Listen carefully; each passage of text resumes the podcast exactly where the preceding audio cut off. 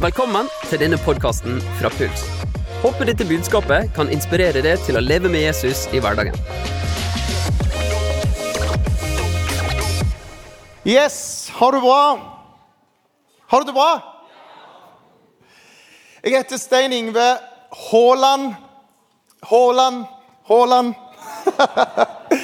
Eh, Jeg er United-fan, men jeg er faktisk stolt av at det finnes en jærbu som kommer fra der jeg kommer fra, som heter Haaland, som er verdens beste spiss. Jeg må bare si det. Han er utrolig god, og vi er stolte av å være nordmenn. Eh, Jeg vet ikke hva du tenker om, om eh, Stein Ingve Haaland. Syns du det er fint navn? Sånn, Helt ærlig, syns du det er fint navn? Nei, ikke noe fint. Ikke. Altså, Mamma og pappa Far min var en sånn israelsfrik.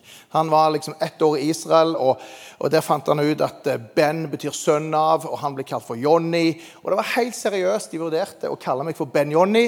Eh, jeg er veldig glad det ble Stein Ingve, for det, det synes jeg var finere. Men det er liksom det er sånn greit nok, da. Men jeg har lært å leve med det, og nå er jeg veldig stolt av det. Vi har jo skifta navn her i kirka. Puls. Eh, noen syns det er et fantastisk navn. Og bare sier, For et navn! Hvordan fant dere det opp? Andre sier det er akkurat som et treningssenter. Men det er et navn som på en måte vokser, vokser på deg. Jeg tenker at puls eh, Sjekk deg sjøl. Har du puls nå? Har du puls? Ja, ok. Pu- Puls er for alle. Alle har puls. Alle trenger puls. Puls er kobla til hjertet. Hjertet det er Guds hjerte. Vi har lyst til å koble på Guds hjerte. Han har hjerte for deg, han har hjerte for oss. Puls det handler om å hjelpe oss som kirke, som fellesskap, å finne de gode rytmene i livet. Jesus han har nåderytmer for oss. Og puls det handler jo om liv, og vi er glad i liv. Vår visjon det bygger jo på det oppdraget Jesus har gitt oss, misjonsbefalingen. Og Vi har sagt det veldig enkelt i en setning at vi vil lede mennesker til en livsforvandlende og pulserende relasjon med Jesus Kristus. Det gjelder for alle mennesker. Det gjelder for barn, altså kids nå. må lyst til å lede de til en livsforvandlende, pulserende relasjon. Det gjelder for ungdommer, det gjelder for voksne, det gjelder for eldre. Hele tiden kan vi være i en utvikling av denne pulserende relasjonen med Jesus. Eh, og Vi har vekt, vektlagt disippelskap enda sterkere i måte, denne, denne visjonen eh, og de verdiene vi har presentert. og Vi har brukt litt tid på det at Jesus han er vår hjørnestein, han er vår stjerne. Han er alt den bygges på. Jeg tror Jesus gjør noe nytt i kirka vår. Han kaller oss til, til enda, tettere fellesskap med han og til å følge han. Og hva vil det si å følge Jesus i 2022? En mann som, er, som, som ikke ser fysisk. Så var kanskje annerledes når han kalte på disiplene, når de på en måte så han og kunne være med han fysisk. Hva vil det si for oss i 2022? Jeg har kalt denne talen her for at Jesus kaller på deg. Jesus kaller på deg. Vi er alle kalt å følge Jesus. Og jeg tror det å følge Jesus det er det beste av livet. Definitivt det beste livet. Ikke det enkleste livet, men det beste livet. Du kan godt argumentere med, med meg eller argumentere med Jesus, men jeg tror eh, hvis du skal argumentere med Jesus, han som skapte alt, han som har vært, han som er selve livet, så vær så god, kjør på. Argumenter med han. Men jeg tror at han vet det beste for oss i alle ting. I våre hverdagsliv, i våre liv som, som foreldre, som, som, som, venner, som arbeidere, som, som kolleger og, og eh, alt det som omfavner livet. Og vi er alle på en reise i forhold til det med Jesus og, og troen. Eh, og det viktigste er ikke tempo, men retningen. Vi skal lese i Bibelen i dag, eh, og eh, vi skal slå opp i eh, Markus evangelium. Eh, Og Vi skal se litt fra kapittel 1, litt fra kapittel 2 og litt fra kapittel 3. Og jeg leser i Jesu Kristi navn. Og jeg tenker Når jeg leser det her, så kan det være at det her, bare det her taler til deg. For Bibelen er levende. Det kan være noen av de her versene som bare, bare der så, oh, så fikk du noe. Så vær åpen når vi leser Bibelen i sammen.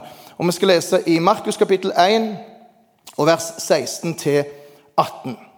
En gang han, Jesus, gikk langs Galileasjøen, fikk han se Simon og Andreas, bror til Simon. De holdt på å kaste not i sjøen, for de var fiskere. Jesus sa til dem, 'Kom og følg meg, så vil jeg gjøre dere til menneskefiskere.' Straks lot de garnet ligge og fulgte ham. Så leser vi i Markus kapittel 2 og vers 13 til og med 15. Igjen gikk Jesus ut langs sjøen. Mye folk kom til ham, og han underviste dem. Da han gikk videre, fikk han se Levi, sønn av Alfeus, sitte på tollboden. Og Jesus sa til ham, 'Følg meg.' og han reiste seg og fulgte ham. Senere var Jesus gjest i huset hans, og mange tollere og syndere var til bords sammen med Jesus og disiplene, for det var mange som fulgte ham. Så leser vi kapittel 3 og vers 13 til og med 15. Så gikk han, Jesus, opp i fjellet. Han kalte til seg dem han ville, og de kom til ham. Han pekte ut tolv, som han også kalte apostler, for at de skulle være sammen med ham, og for at han kunne sende dem ut for å forkynne og ha makt til å drive ut de onde åndene. I Jesu navn. Amen. Det å følge Jesus det er for absolutt alle.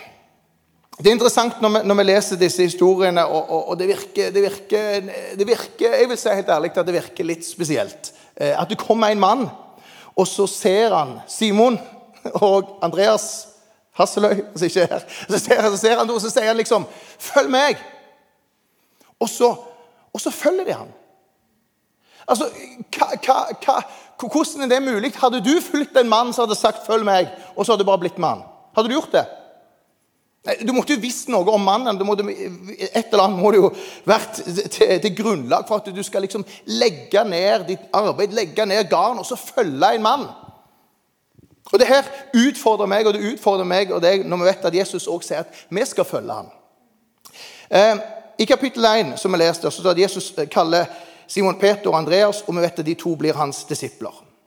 Eh, når han sier 'følg meg', så er det viktig å forstå på en måte, hva vil det si historisk lys, hva vil det si på den tiden. Vi vet at Jesus ofte blir kalt for rabbi. og Rabbi betyr en lærer, en mesterlærer. Og en mesterlærer hadde disipler, hadde lærlinger.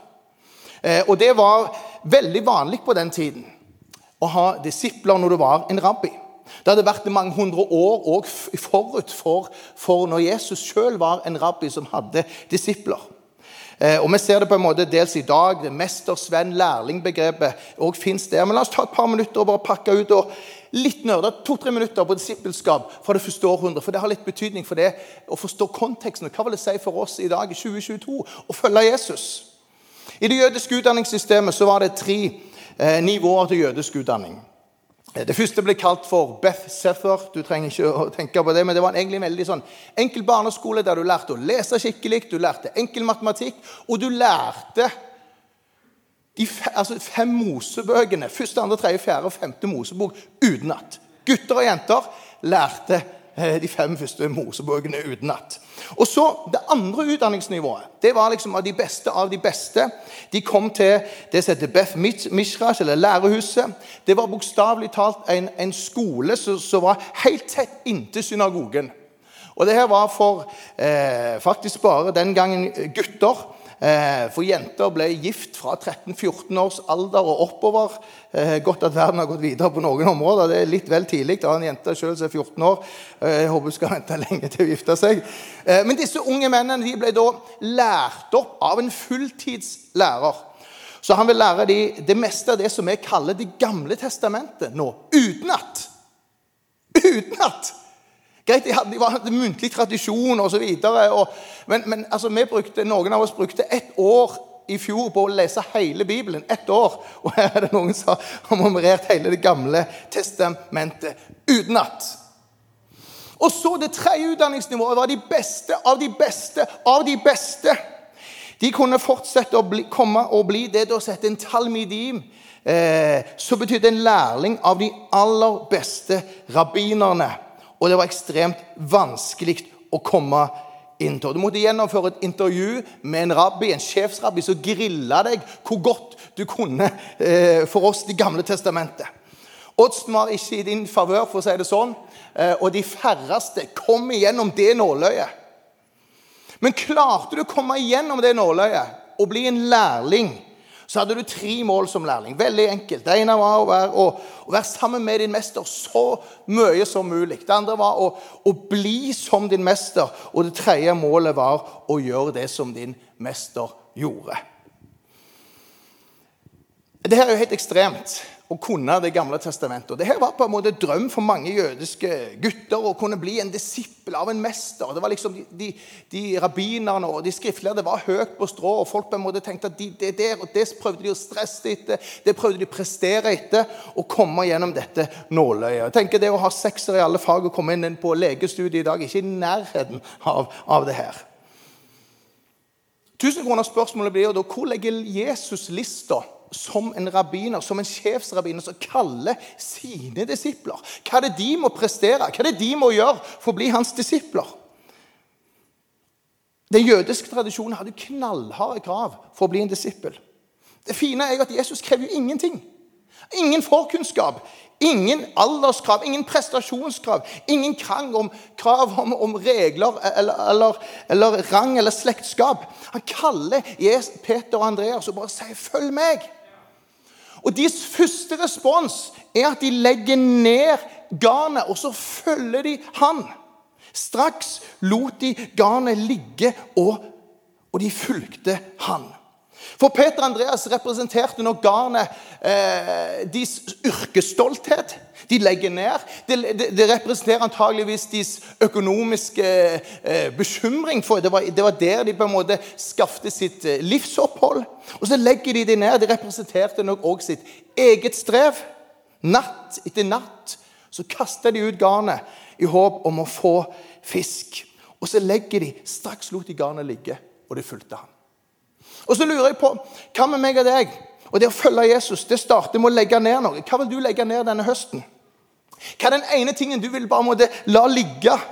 For det er utfordring å ha et stress og ha, og, og ha med seg et garn overalt. Hvis jeg hadde hatt et garn med meg her, det, det henger, hvis jeg hadde dratt med meg det overalt Det er så lett for å henge seg opp i ulike ting. Og de her blir de utfordret på å legge det ned. Hva er den ene tingen du skal legge ned denne høsten? Er det bekymring? Som hekter seg så lett opp. Det er det stolthet. Du har med deg garnet og skal vise fram. Det, det er mitt garn, liksom. Er det skuffelse? At garnet er tomt? Skuffelse over mennesker, skuffelse over kirker, skuffelse over, over, at ting ikke gikk helt sånn som du hadde tenkt? Er det perfeksjonisme? Du har det aller beste garnet, eller eget strev, eller et dårlig sjølbilde, at du skjuler deg bak et garn? Hva er den ene tingen du trenger å legge ned? De la ned, og så fulgte de Jesus. Det utfordrer meg og deg. Jeg syns det er fantastisk spennende å lese Bibelen. Og Jeg er 47 år gammel, så jeg, lyst, jeg er mer, mer, glad i Jesus enn noen gang. Eh, og har, jeg, er med på en gruppe, og jeg anbefaler alle å være med på en gruppe. Vi trenger storfellesskapet, og vi trenger det mindre fellesskapet. Eh, og Jeg har en gruppe som heter Mann og Bibel. Og Det er fordi at vi er bare mannfolk, og vi, er glad i Bibelen. That's it. Eh, og, og, og vi, vi, studerer hva vil det si å være en disippel i 2022. Og vi leser evangeliene sammen og, ulike, og, og deler liksom på sånn messenger-tråd messenger Skal si messenger-chat Messenger-tråd. Ulike ting som vi får kjempespennende. Jeg vil liksom bare ta et par ting ut fra disse versene vi har lest her. For Jeg har en liten utfordring, en liten påstand til oss. Det å følge Jesus Påstand. Det er ikke vanskelig, men det er lett. Jeg mener, Det å leve livet uten Jesus, det er vanskelig. La meg prøve å forklare. Og Det er egentlig ikke mine ord. Når Jesus sier i Matteus 11, 28-30, så sier han, 'Kom til meg, alle som strever bærer tunge byrder, og jeg vil gi dere hvile.' Så sier vi amen, så stopper vi ofte der. Men videre så står det der, 'Ta mitt åk på dere, og lær av meg, for jeg er mild og ydmyk av hjerte.' så dere skal finne hvile for dere sjøl. Og så sier Jesus, for mitt åk er godt, og min byrde lett. Jesus er fantastisk. Han utfordrer oss og sier mitt åk er godt, og en burde lett. Et åk det var et, et, et, et redskap som, som, en type bjelke som ble brukt for å utjevne vekt. Vi vet at okser hadde åk på seg, og her blir det utfordra på at han sier at mitt åk er godt. Åket var en bjelke som lagt på skulder som en bar. Og jeg tror at Her er det òg et, et, et, et, sterkt metaforisk bilde på Jesus som, som, og den bjelken som ble båret opp via Dolorosa til Golgata-høyden, og den som Jesus ble spikra til. Jeg tror hans åk er hans kors, som han allerede har båret alle våre synder og alle våre nederlag. Så når han vil bærer eh, Jesu åk, så er det det han har gjort for oss på korset. Og det er det vi trenger å komme Det sier han, det er lett. Han har betalt prisen. Det handler alltid om Jesus. Men hvordan kan vi da følge en som ikke ser med våre fysiske øyne? Fire måter å følge Jesus på og bli mer lik Jesus på. Det er én lese om han i Skriftene. To etterfølge hans lære. Tre tilbe han. Fire å tjene han. Og Hvis du ser på de første bokstavene, lagt det litt som bokstaver, det første bokstaven i hver av de, hva blir det? Lett. Fine. Leser manuskriptene, etterfølger hans Jeg vet at det utfordrer etterfølger hans lære, selvfølgelig. Men jeg tror ikke at hvis Jesus har gjort frelsen lett, så har han gjort det å følge han så vanskelig at ingen mennesker klarer det. Det er helt ulogisk for meg. Jesus, Når han betaler hele prisen og sier at 'følg meg', så skal det være så vanskelig at ingen mennesker klarer å følge ham. For det å følge Jesus er ikke problemet. Jeg er problemet. Du er problemet. Det er jeg som er vanskelig. Jeg vet at det er vanskelig å følge Jesus, men det er ikke han. Det er jo jeg som er vanskelig. Det er jeg som er problemet. Og du. Derfor trenger vi Jesus, folkens. Det er derfor vi trenger Jesus i vårt hverdagsliv. Derfor trenger vi det i storfellesskapet og i mindrefellesskapet.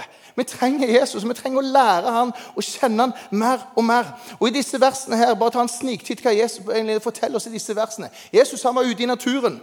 Og disse versene leser vi Hver gang vi leser disse her tre kapitlene, så, det, så starter det. En gang gikk han langs Galileasjøen. Igjen gikk Jesus langs sjøen. Og så gikk han opp i fjellet. Og Av og til så spør, eh, spør, folk hva er best. Skal du ha hytte på sjøen eller på fjellet. liksom. Jesus sier bare ja takk, begge deler. Sjøen og fjellet. Ole Brumm liksom, han, han sier det vi trenger, vi trenger å være ute i naturen. Enkle ting som han lærer oss. For han vet at det er bra for oss. Han vet at det er bra for våre sjeler. Grønt og blått er jo beroligende for våre sjeler, sier psykologene. Vi er skapt for å være ute. Og blå er faktisk den fargen som flest i verden liker. 60% statistisk sett av menneskene finner ut at det er favorittfarge. Og blått gir oss en følelse av mindre problemer, og vi tar det med ro. Og Her var Jesus ute i naturen. Jesus ser enkeltmennesker. Det står Han fikk se Simon og Andreas, han fikk se Levi. Jesus ser hvert eneste menneske. Han ser deg, han ser meg, og han kaller på oss til fellesskap. Et menneske er mer verd enn hele verden. Det er verdens største matematiske uloghet. Jesus sier hvordan kan et menneske vinne hele verden, men om han taper sin sjel, så er det ikke verdt noen ting. Og det er på en måte Han sier ett menneske Og Jesus døde for ett menneske.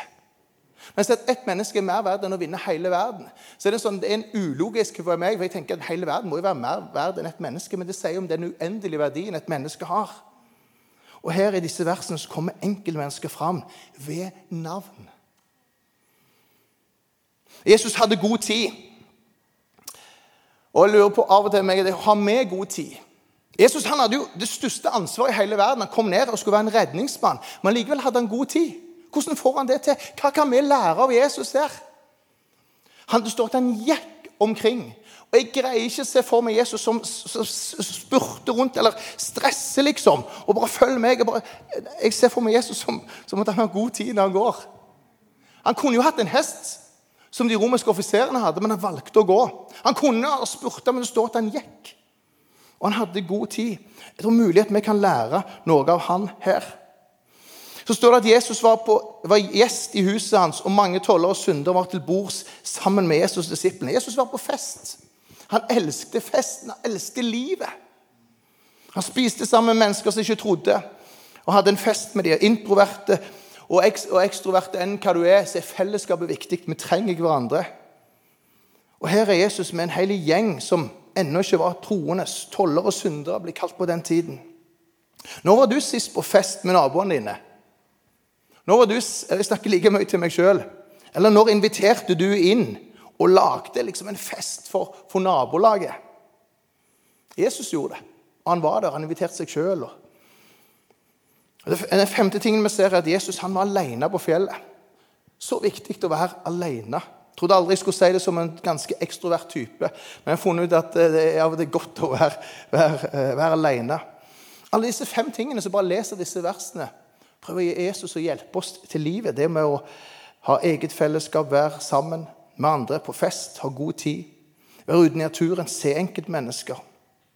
Så vet vi òg at han, han, prioriterte gudstjenesten hver søndag eller eh, lørdag. unnskyld, Så var han på, i synagogen, som han hadde for vane å stå der. Han prioriterte hvilen, han prioriterte fellesskapet, sabbaten, alenetid og det å gjøre godt og bekjempe det onde.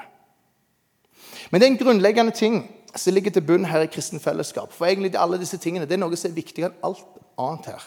Og det er at sånn som jeg sa, Det var vanlig på den tiden å prøve å være en god disippel. Det var, det var et, et, et, treutdanningsnivå og litt, et knallhardt nåløye. Og det, Jesus snur totalt om på dette.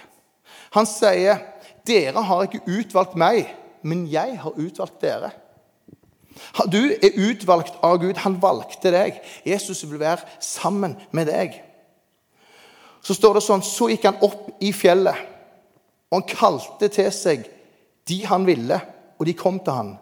Og han pekte ut tolv for at de skulle være sammen med han. Jesus kaller deg for å være sammen med han. Han vil ha fellesskap bare for å være sammen med deg. For et privilegium.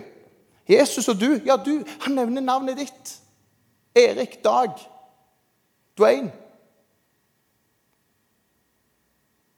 Rebekka. Ja.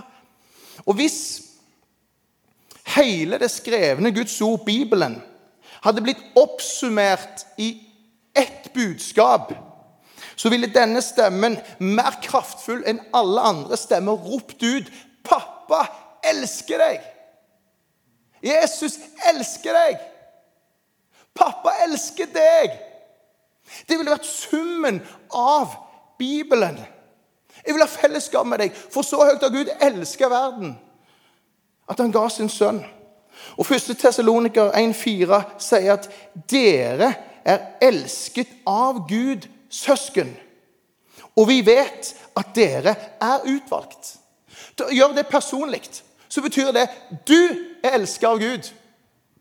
Og vi vet at du er utvalgt. Du er elsket av Gud. Kjære søster, kjære bror, og vi vet at du er utvalgt. Jesus kaller på deg. Bandet kan komme opp, og så skal vi gå inn i, i avslutningen. Gud kaller på deg. Han kaller deg med navn. Han vil lære deg rytmene i livet. Nådens rytmer. Og så kan jeg tenke ja, men jeg opplever at Jesus han har glemt meg. Du, ja, du, du, snakker om at uh, du er mer glad i Jesus enn noen gang osv. Men, men hva med meg? Jeg, jeg kjenner nå, nå, er det tørt, liksom. Jeg, jeg, jeg, står her og hører de synge. Jeg opplever at oh, det, ja, Men det, jeg kjenner ingenting. Jeg føler ingenting. Uansett hva du føler, så, så er fakta at Jesus er her når han er midt iblant oss. Bibelen sier at der to eller tre samler han sammen, så er han her. Men det fins en enormt sterk metafor i Bibelen der, er, der eh, profeten Jesaja tar skikkelig sats og bruker kanskje den største metaforen som fins. Han sammenligner seg sjøl som, som, en som bryr seg om, om, deg og meg, med en, en, en kvinne som, som, nettopp har fått barn, som er i, i, i amme, ammetilstand dine barn. Så sier han i Jesaja 49, 14-17. Sion sier, og det er et bilde på, på Israels folk, bilde på menigheten, et bilde på meg og deg, at vi kan si at Herren har forlatt meg, han har glemt meg. Sånn kan av og til føles.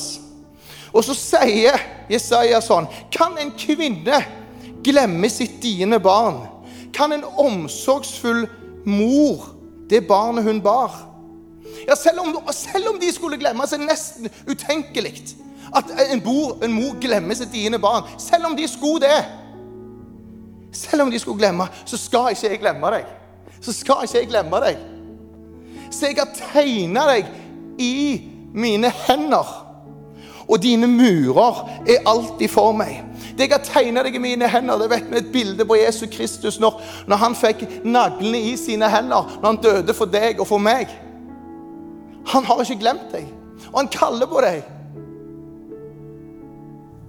Og Jeg vet at det kan være vanskelig å følge Jesus. Jeg bare utfordring, sier det lett, men det er på en måte at han har gjort det for oss. Så vi trenger han. Poenget er at vi må søke han. Vi må bare innrømme oss at jeg fikser ikke livet sjøl. Jeg trenger deg, Jesus. Jeg trenger deg å være en pappa. Jeg trenger å være i forhold til jobben min og til å være et medmenneske. Jeg trenger deg, Jesus.